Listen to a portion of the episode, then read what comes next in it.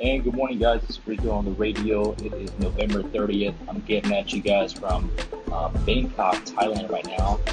Uh, so, one of the biggest recommendations while I'm here is don't play in the brown water and don't drink the brown water. uh, nonetheless, this is going to be a the, the topic on this specific duration right now is going to be about digital evidence and how it's varying in the court of case, not only as a single veteran parent, but also as a as a single parent. So don't mind the back noise, guys.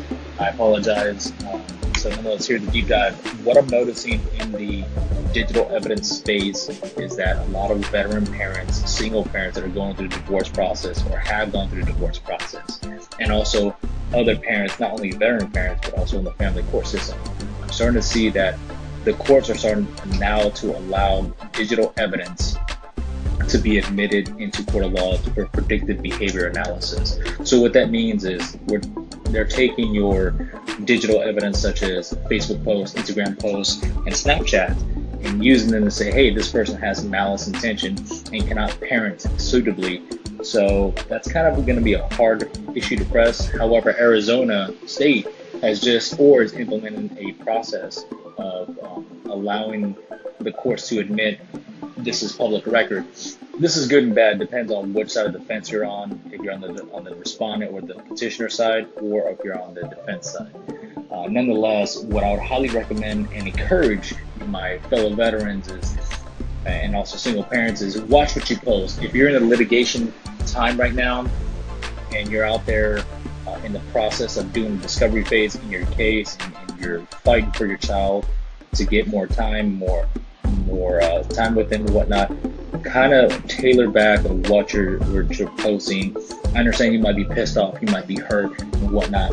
The successful people do not go out on the limb and beat the crap out of their significant or ex-significant other anymore. As a matter of fact, um, the best thing you can do is just move on, move out. Who cares? Who gives a shit? And if they want to beat the crap out of you on social media or do little jabs, that's fine. Nobody gives a shit. You either have to woman up or man up and move forward and just do the best thing of your interest of your child.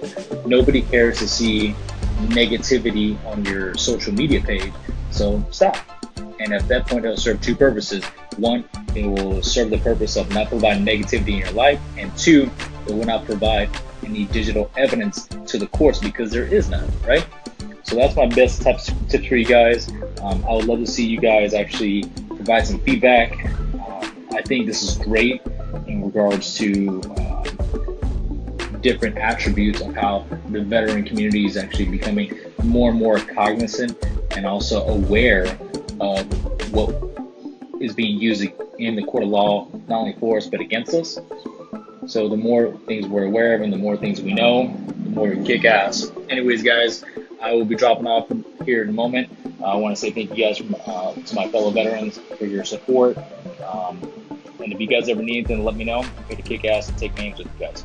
Later. Peace, love, and chick grease. Thanks for listening to Rico on the radio.